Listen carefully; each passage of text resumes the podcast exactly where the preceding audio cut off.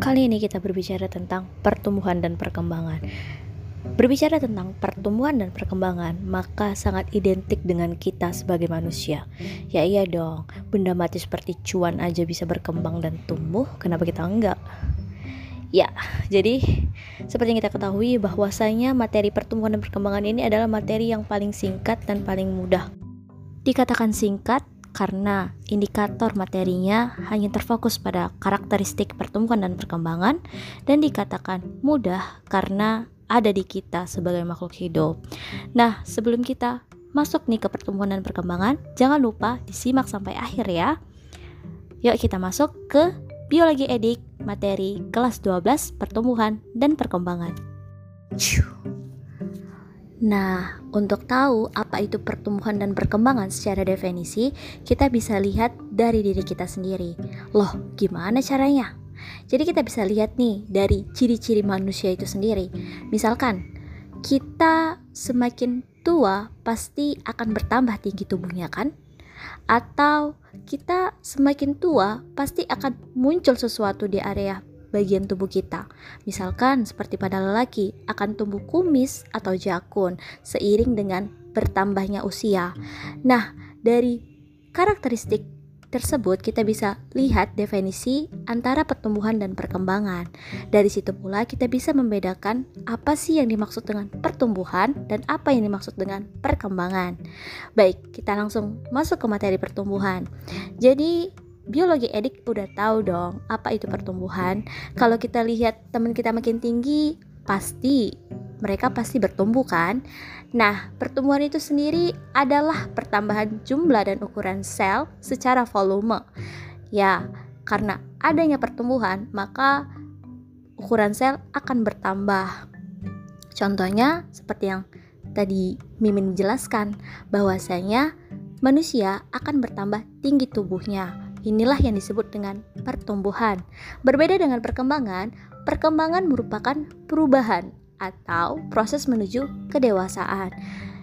Jadi, semakin manusia berumur atau semakin tua umur manusia, maka akan muncul kedewasaan di dalam dirinya. Terkhusus pada fisiknya ya. Nah, contohnya bisa kita lihat dari munculnya kumis pada lelaki misalkan atau uh, adanya jakun nih. Juga pada tumbuhan bisa kita lihat seperti munculnya bagian-bagian tubuh tumbuhan seperti adanya bunga, tumbuhnya buah pada tumbuhan. Nah, itulah yang bisa membedakan antara pertumbuhan dan perkembangan. Lalu apa sih perbedaan lainnya antara pertumbuhan dan perkembangan?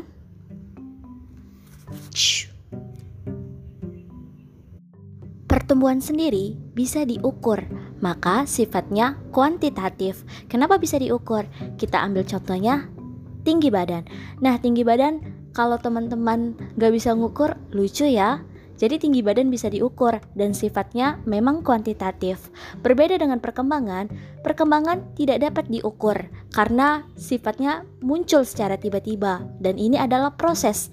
Proses dari tidak ada menjadi ada atau proses menuju kedewasaan, maka perkembangan disebut juga dengan kualitatif.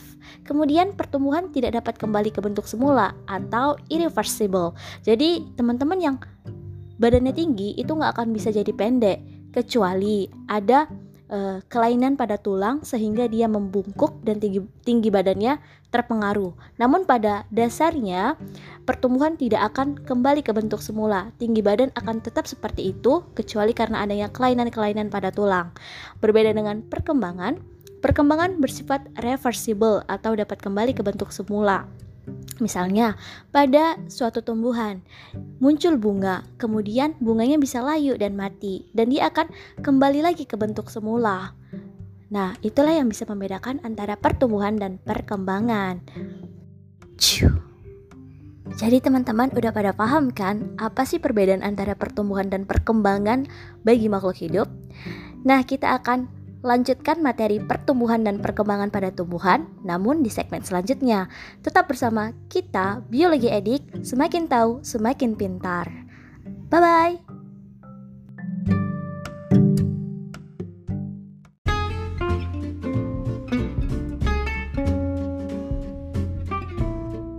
Assalamualaikum warahmatullahi wabarakatuh Kembali lagi ke aku Biologi Edik pada segmen Materi kelas 12 Mengenai pertumbuhan dan perkembangan. Nah di episode 1 kita udah bahas tentang pertumbuhan dan perkembangan secara umum. Nah kali ini kita akan bahas pertumbuhan dan perkembangan pada tumbuhan atau tanaman. Loh kak kenapa nggak tentang hewan aja? Kan lebih asik. Jadi aku nggak bahas tentang hewan ya karena uh, secara universal atau secara umum pertumbuhan dan perkembangan hewan itu mirip sama kita. Jadi uh, karena kita udah sama-sama tahu bagaimana pertumbuhan dan perkembangan tentang hewan, maka aku mau masuk ke tumbuhannya aja. Dan juga aku ikuti sesuai dengan uh, materi yang berlaku di kelas 12 ya. Baiklah, kita masuk aja ke materinya dengan biologi edik Semakin tahu, semakin pintar. Berbicara tentang pertumbuhan dan perkembangan pada tumbuhan atau tanaman, maka kita akan memulai dengan dengan apa dong? Masa dengan hati? Ya enggak dong. Tapi dengan biji. Nah, karena asal mula dari tumbuhan itu adalah biji dan memang hampir semua tumbuhan asalnya adalah biji gitu ya. Jadi uh, kita akan bahas tentang si biji dulu. Nah, biji akan tumbuh apabila mengalami proses perkecambahan. Jadi dia e, mengalami proses awal dari pertumbuhan embrio di dalam biji. Nah, teman-teman, sebelum kita masuk ini prosesnya lebih lanjut, jadi aku mau bentrokan dikit atau mau kasih benang merah dikit ke dalil Al-Qur'an nih teman-teman. Jadi karena aku muslim, aku ambil dalil Quran surah An-Naba ayat 15. Nah, e, bunyinya gimana? Bunyinya Bismillahirrahmanirrahim. Linukhrija bihi wa nabata. Supaya kami tumbuhkan dengan air itu biji-bijian dan tumbuh-tumbuhan.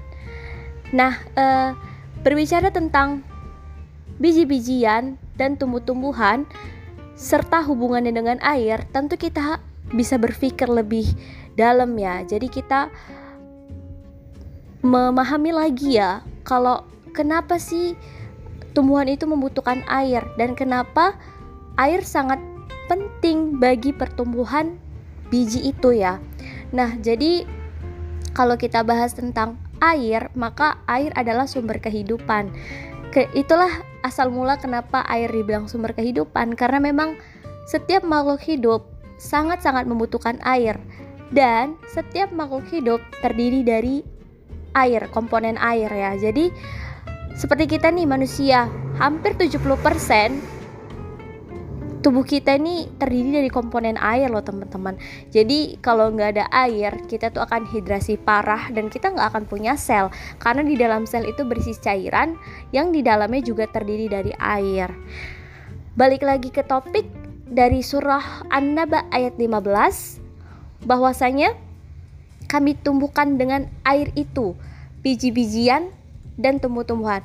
Nah, jadi jadi teman-teman, jadi uh, pada awalnya nih kalau kita lihat dan menelisik sejarah per, uh, peradaban bumi ya kalau bisa dibilang sejarah terbentuknya bumi, maka pada awalnya bumi ini ditumbuhi atau dihinggapi dengan bebatuan atau bisa dibilang tanah di bumi ini bentuk e, bentuknya itu nggak tanah seperti kita sekarang yang gembur yang apabila ditanamkan biji-bijian bisa tumbuh. Beda banget ya kalau dulu itu bentuk tanah di bumi itu berupa bebatuan kasar yang sangat kasar yang bahkan makhluk hidup nggak bisa hidup di situ. Karena kasar tandus dan nggak tahu deh pokoknya eh, benar-benar nggak kayak kehidupan. Kemudian Allah turunkanlah hujan secara terus-menerus dan akhirnya uh, dengan air itu dengan perantara air itu bebatuan tadi akhirnya lunak lunak lunak pecah. Pecah pecah pecah pecah dan akhirnya terbentuklah tanah yang utuh yang dengan prosesnya makin lama makin uh, seperti tanah lah ya lalu gembur dan juga bisa di uh, di jadi ya bisa layak gitu ya jadikan tempat untuk berpijak bagi makhluk hidup gitu. Nah, uh, jadi dari air tadi ditumbuhkanlah biji-bijian dan tumbuh-tumbuhan. Jadi Allah udah menyimpan biji bijian itu di dalam tanah dan Allah turunkan lagi air hujan. Fungsinya apa? Fungsinya agar uh, air tadi ketika dia masuk atau terserap ke dalam tanah kemudian masuk ke dalam biji, biji menyerap air itu. Itulah yang akan menjadi cikal bakal uh, faktor eksternal yang sangat penting bagi pertumbuhan biji. Jadi kita masuk ke pertumbuhan dan perkembangan ya uh, kita mau senggolkan lagi ke teori dasarnya nih. Jadi teman-teman pasti masih bingung nih ya, loh kenapa uh, biji membutuhkan air untuk apa? Tapi kita, sebelum kita bahas lagi kita harus tahu konsep dasarnya ya. Jadi memang uh, untuk pertumbuhan dan perkembangan pada tumbuhan ini itu dimulai dari perkecambahan biji yaitu proses awal dari pertumbuhan embrio di dalam biji. Baik, um, kita lanjut ke faktor-faktor yang memengaruhi perkecambahan biji dan juga pertumbuhan tanaman atau tumbuhan. Nah, jadi faktornya itu ada dua teman-teman. Ada faktor internal dan juga ada faktor eksternal. Nah, untuk faktor internal itu berasal dari tumbuhan itu sendiri ya. Teman-teman pasti udah tahu kalau dari tumbuhan itu sendiri pasti yang memengaruhinya adalah yang pertama hormon dan yang kedua adalah gen. Nah, jadi kedua faktor ini adalah faktor terpenting dalam menyusun tubuh tumbuhan agar bisa bertumbuh gitu ya. Nah, untuk faktor eksternalnya itu kita bisa singkat dengan kata snack, bukan snack jajanan apalagi snack ular ya. Jadi snack ini adalah singkatan. S adalah suhu atau temperatur, N nutrisi atau mm, zat makanan yang dibutuhkan oleh tumbuhan. A adalah air. Nah, ini komponen penting ya. Kemudian C cahaya matahari. Jadi memang tumbuhan nggak akan bisa berfotosintesis kalau nggak ada cahaya matahari. Dan K K adalah kelembapan. Nah, jadi eh, kelembapan itu sangat memengaruhi kesuburan pada tanaman atau tumbuhan. Nah, jadi uh, kita udah tahu nih ya faktor eksternal dari si tumbuhan. Jadi kalau nggak ada lima faktor ini, maka tumbuhan nggak akan bertumbuh dan berkembang dengan baik. Seperti yang udah aku bilang kemarin teman-teman, perbedaan dari pertumbuhan dan perkembangan bahwasanya pertumbuhan pada tanaman atau tumbuhan itu ditandai dengan bertumbuh tingginya si tanaman ini atau melebarnya daun si tanaman atau tumbuhan itu. Kalau untuk perkembangan berarti ada sesuatu yang muncul pada tumbuhan atau tanaman itu. Misalkan apa? Misalkan tumbuhnya buah atau tumbuhnya bunga atau tumbuhnya daun. Nah, itu termasuk dalam perkembangan. Jadi, perkembangan itu bisa dilihat dari proses kematangan atau dari kemunculan sesuatu. Sedangkan pertumbuhan kita bisa lihat dari um, ukuran ya biasanya memang lebih sifatnya ke ukuran ya. Dan juga pertambahan bertambahnya sesuatu dari tumbuhan tersebut. Yang pasti memang tubuhnya ya yang bertambah. Kemudian embrio pada biji ini tersusun dari tiga penyus uh, tiga komponen utama ya. Yang pertama itu adalah kaula uh, kaulikalus. Kaulikalus itu adalah calon batang atau kita bisa sebut batang lembaga. Nah, inilah yang akan tumbuh menjadi batang uh, nantinya. Kemudian radikula adalah calon akar atau kita bisa sebut akar lembaga. Nah, akar lembaga inilah yang nantinya akan menjadi akar sejati. Kemudian kotiledon atau keping biji. Dah, uh, kotiledon ini disebut juga dengan cadangan makanan ya, teman-teman. Dan teman-teman pasti udah tahu nih kalau kita bahas kotiledon pasti ada hubungannya dengan tumbuhan dikotil ya atau monokotil. Baik, uh, kemudian kita lanjut ke tahapan proses perkecambahan. Nah, teman-teman, kalau kita masuk ke tahapan proses perkecambahan, maka ini yang udah aku singgung dari awal tentang air. Jadi air ini memang berperan sangat penting untuk proses perkecambahan ini teman-teman. Seperti tadi pada surah An-Naba atau juga surah-surah lain seperti Abasa uh, pada ayat 25 sampai 30 dan juga surah seperti Ar-Rahman itu memang selalu mengaitkan Allah turunkan hujan lalu Allah tumbuhkan tetumbuhan di muka bumi ini. Memang benar ya teman-teman. Jadi air hujan itu sangat berperan penting atau sangat berfungsi untuk pertumbuhan atau uh, untuk perkembangan si tanaman. Jadi kita mulai tahapan proses perkecambahan yang pertama itu adalah imbibisi. Apa itu imbibisi? Imbibisi adalah penyerapan air oleh biji. Nah, inilah salah satu fungsi adanya air di mana biji akan menyerap air. Kemudian apa e, fungsi biji menyerap air? Jadi fungsinya yang pertama itu bis, e, air berfungsi untuk mengaktifkan sel-sel pada biji agar bisa melakukan proses pertumbuhan atau proses perkecambahan. Kemudian yang kedua, air berfungsi untuk uh, memberikan oksigen kepada tanaman atau tumbuhan tersebut. Jadi biji atau tanaman itu memang membutuhkan air untuk respirasi ya teman-teman. Jadi bukan hanya uh, bukan hanya memberikan oksigen kepada makhluk hidup lain, tumbuhan juga membutuhkan oksigen untuk respirasi.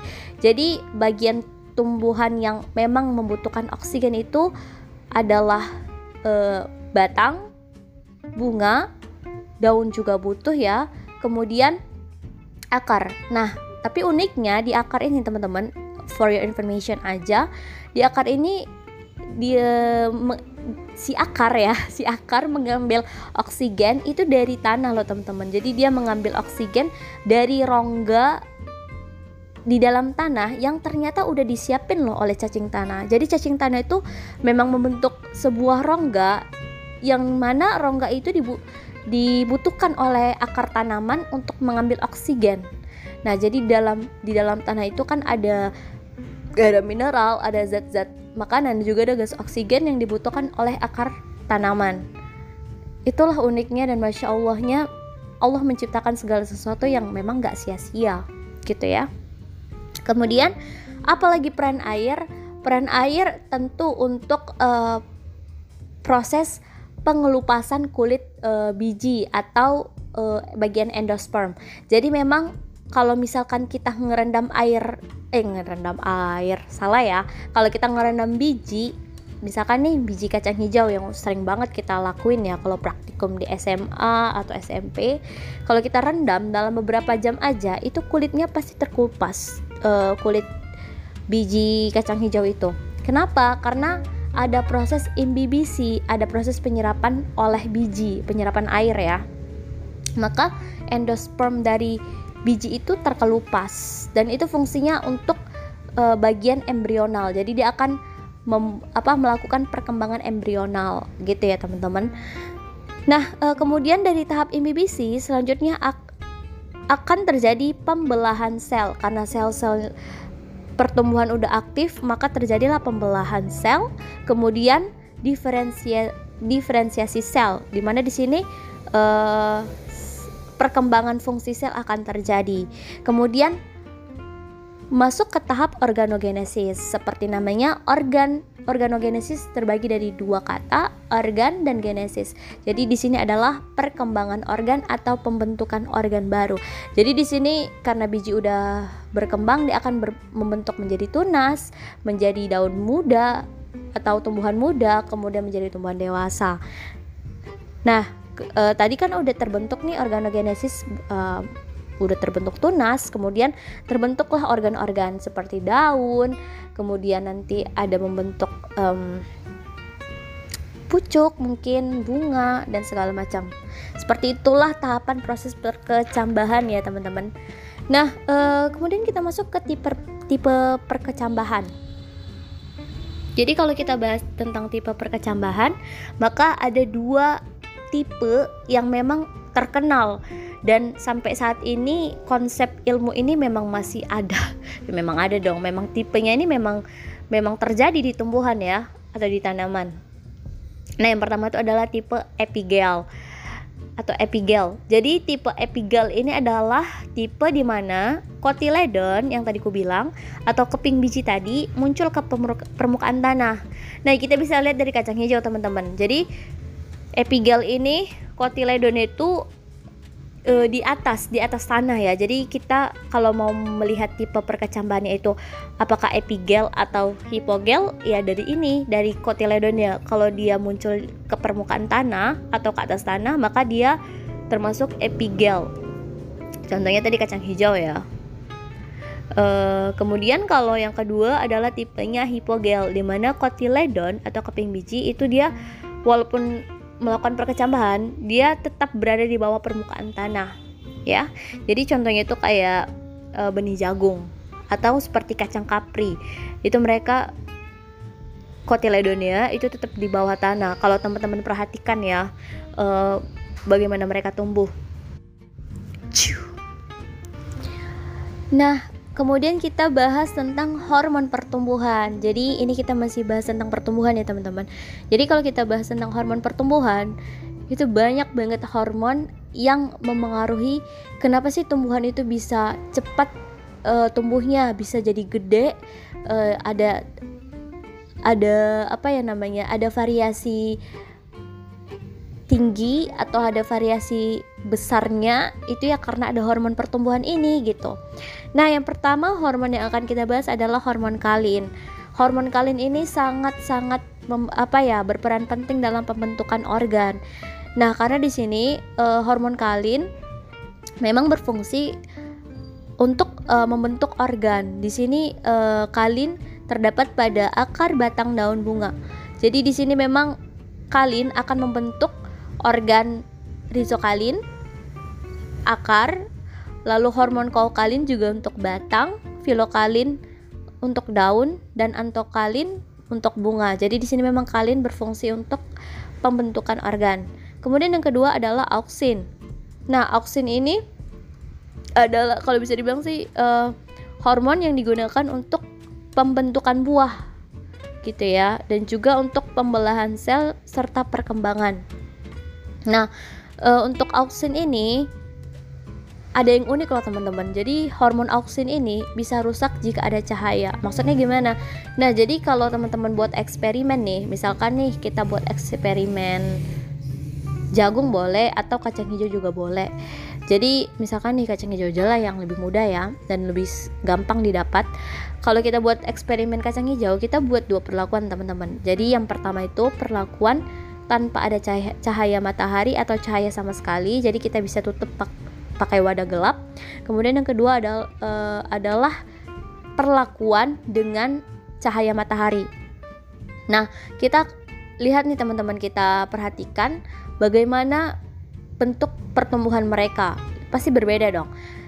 Kenapa bisa berbeda? Karena memang hormon auksin berfungsi di sini atau ber, memainkan perannya. Jadi hormon auksin akan berperan atau ber, apa ya namanya berfungsi sangat aktif apabila dia tidak terkena cahaya atau perlakuan tanaman di uh, tempat gelap. Sementara kalau untuk yang hormon eh, perlakuan di tempat yang ada cahaya, maka hormon auksin itu akan rusak atau uh, akan melambat kerjanya sehingga memang pertumbuhannya juga uh, akan terhambat. Tapi kalau misalkan untuk hasil dari tanaman atau tumbuhan itu memang tumbuhan yang terkena cahaya biasanya memang lebih pendek, lebih rendah, namun lebih kokoh dan lebih segar serta lebih hijau. Berbeda dengan tanaman atau tumbuhan yang tidak dikena e, dikenakan atau terkena cahaya matahari atau cahaya, dia akan e, lebih panjang, lebih tinggi ukuran tanamannya,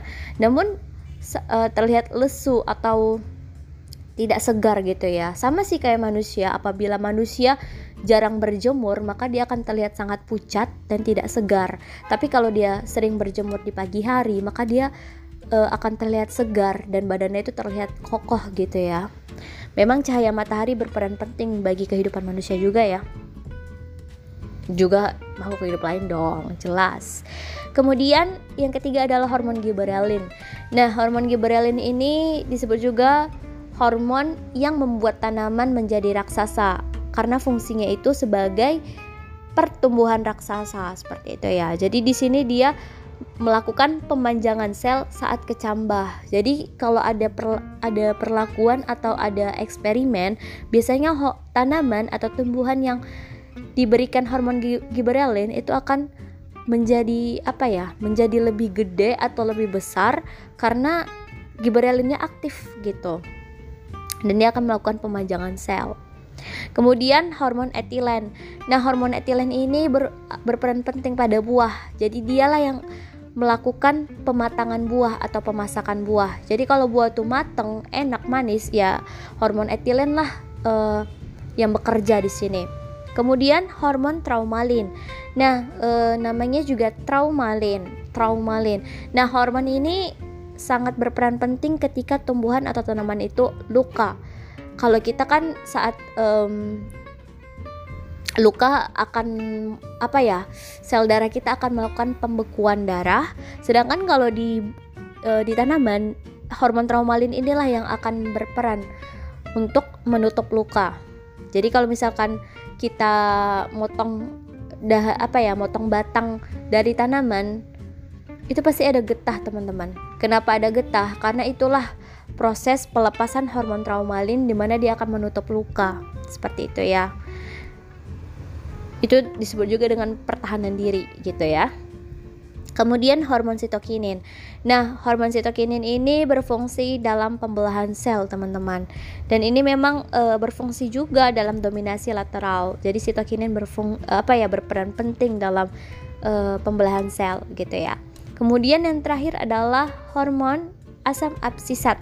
Nah, hormon ini sangat berguna pada sa, e, pada dominasi biji ya pada dominasi biji dan juga eh kok doma dominasi pada dormansi biji ya dan juga hormon asam absisat ini berguna banget untuk tumbuhan menyesuaikan diri atau beradaptasi pada lingkungan. Contohnya gimana? Contohnya gini nih, misalkan pada saat musim kemarau, di situ kan musimnya kekurangan air nih. Jadi uh, semen, jadi karena dia kekurangan air, pohon jati nih kita ambil. Pohon jati pasti harus beradaptasi dengan lingkungan. Gimana cara beradaptasinya?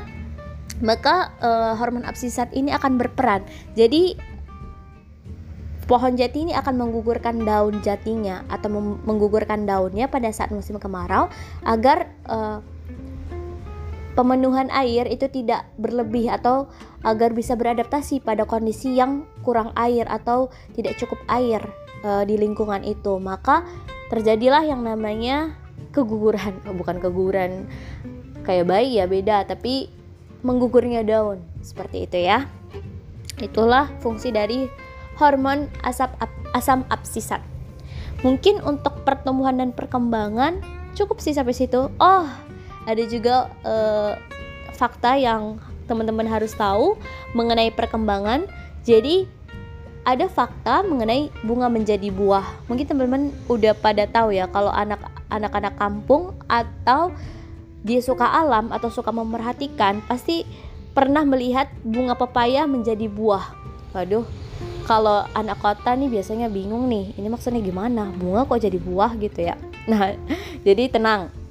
Aku punya penjelasan ilmiahnya. Jadi di sini kita uh, membahas tentang proses perkembangan ya. Jadi di sini memang bunga bisa menjadi buah dengan berbagai mekanisme yang berlaku.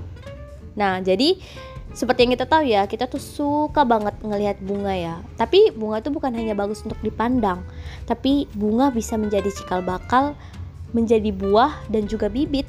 Wah, masya Allah ya.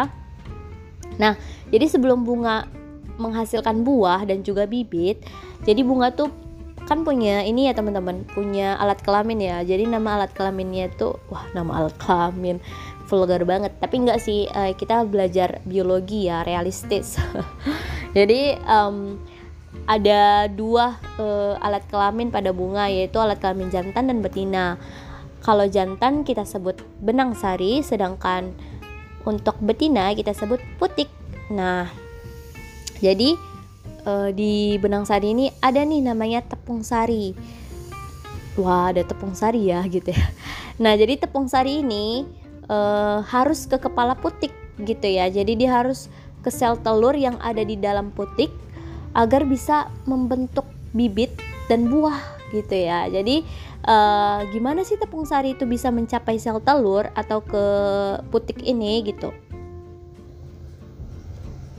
Nah, jadi apabila kepala sari matang, terus dia merekah lah ya, udah merekah, kemudian kepala sari itu kan dia mengandung tepung sari nih, dia akan menghasilkan tepung sari. Nah, tepung sari ini akan diantarkan ke putik atau ke bagian betina bunga dengan uh, banyak cara yang unik dan menarik, masya Allah kan. Memang uh, inilah kekuasaan Allah. Ada ada yang dinamakan dengan simbiosis, di mana di sini ada peran makhluk hidup lain sehingga proses pembentukan buah ini terjadi. Nah, bisa dibawa dengan angin, bisa juga dibawa dengan makhluk hidup seperti binatang, seperti contohnya kupu-kupu ya, lebah atau juga kumbang. Dan juga bisa uh, melalui air ya. Nah, uh, binatang seperti serangga tadi itu biasanya e, membawa tepung sari. Dia tuh ngisap e, ngisap sari ya ngisap sari di benang sari kemudian akan membawa tepung sari. Nah apabila serangga tadi terbang atau berpindah tempat maka tepung sari itu mungkin akan jatuh dan kemungkinan besar itu juga bakalan jatuh ke kepala putik. Maka terjadilah penyerbukan. Mantep ya masya Allah nah dari proses penyerbukan tiap tepung sari tadi yang masuk itu akan tumbuh menjadi pembuluh panjang. Dari pembuluh inilah uh, dia akan berlanjut ke bawah melalui tangkai putik sampai ke indung telur. Jadi teman-teman kalau udah sampai di indung telur nanti tuh sel jantan sel jantan astaga sel jantan dari masing-masing tepung sari. Jadi di dalam tepung sari itu ada terdapat sel-sel jantan dia akan bergabung dengan sel telur, maka terjadilah pembuahan. Nah, bila bunga tadi dibuahi, kan tadi terjadi pembuahan ya atau fertilisasi. Jika bunga dibuahi, inung telur akan menjadi buah, sedangkan sel-sel telur menjadi biji bibit. Nah, biji bibit inilah yang tumbuh di dalam buah. Buah melindungi biji dan tumbuh uh, dan buah tadi akan tumbuh lalu akan masak atau akan matang gitu ya. Jadi tiap tanaman itu punya buah dan bibit yang berbeda-beda. Jadi e, biji itu memang penting ya karena dapat tumbuh dan juga karena bisa menjadi tanaman baru gitu. Jadi itu itulah asal muasal kenapa bunga kok bisa jadi buah gitu ya. Karena memang di situ terjadi proses pembuahan uh, dan pertemuan antara sel jantan dan sel betina atau sel telur ya. Mantep banget. Dan buah itulah yang bisa kita makan. Ya dong kalau masalah makan memang cepet aku juga salah satunya. Ya mungkin itu aja sih yang bisa aku bahas tentang pertumbuhan dan perkembangan. Capek juga ya dengerin podcast aku kelamaan tapi semoga aja bermanfaat banget untuk teman-teman. Apalagi yang udah kelas 12 dan penasaran. Gimana sih pertumbuhan dan perkembangan tumbuhan sama tanaman ini gitu ya. Nah uh, at the end aku pengen ngasih pertanyaan nih teman-teman. Jadi teman-teman kalau udah tahu per, uh, jawabannya teman-teman bisa PC atau DM aku loh. Bisa dong. Bisa di Instagram aku Lutfiah ND16 atau di WA aku DM aku dulu deh. Kalau WA privacy soalnya ya. Uh, jadi pertanyaannya adalah apa sih perbedaan antara tumbuhan dan tanaman menurut teman-teman gimana? Tolong jangan googling dulu. Coba uh, menurut pengalaman ya based on your experience-nya gimana sih perbedaan antara tanaman dan tumbuhan? Pasti teman-teman pernah uh, dengar ya kalimat ini tanaman, ini tumbuhan oh ini tumbuhannya keren banget. Eh tanamannya ini bagus banget. Pasti sering banget dengar gitu ya. Tapi kita tahu nggak sih sebenarnya perbedaan antara tumbuhan dan tanaman secara harfiahnya? Nah kalau teman-teman tahu bisa DM aku di Instagram Lutfia ND16 yang bisa jawab atau yang berani DM aku aku kasih hadiah deh seriusan. Hadiahnya ada deh. Oke lah mungkin sampai situ aja podcast aku tentang pertumbuhan dan perkembangan tanaman. Semoga bermanfaat dan jangan lupa untuk terus belajar karena semakin tahu semakin pintar. Bersama aku biologi edik. Edik banget dong. Assalamualaikum warahmatullahi wabarakatuh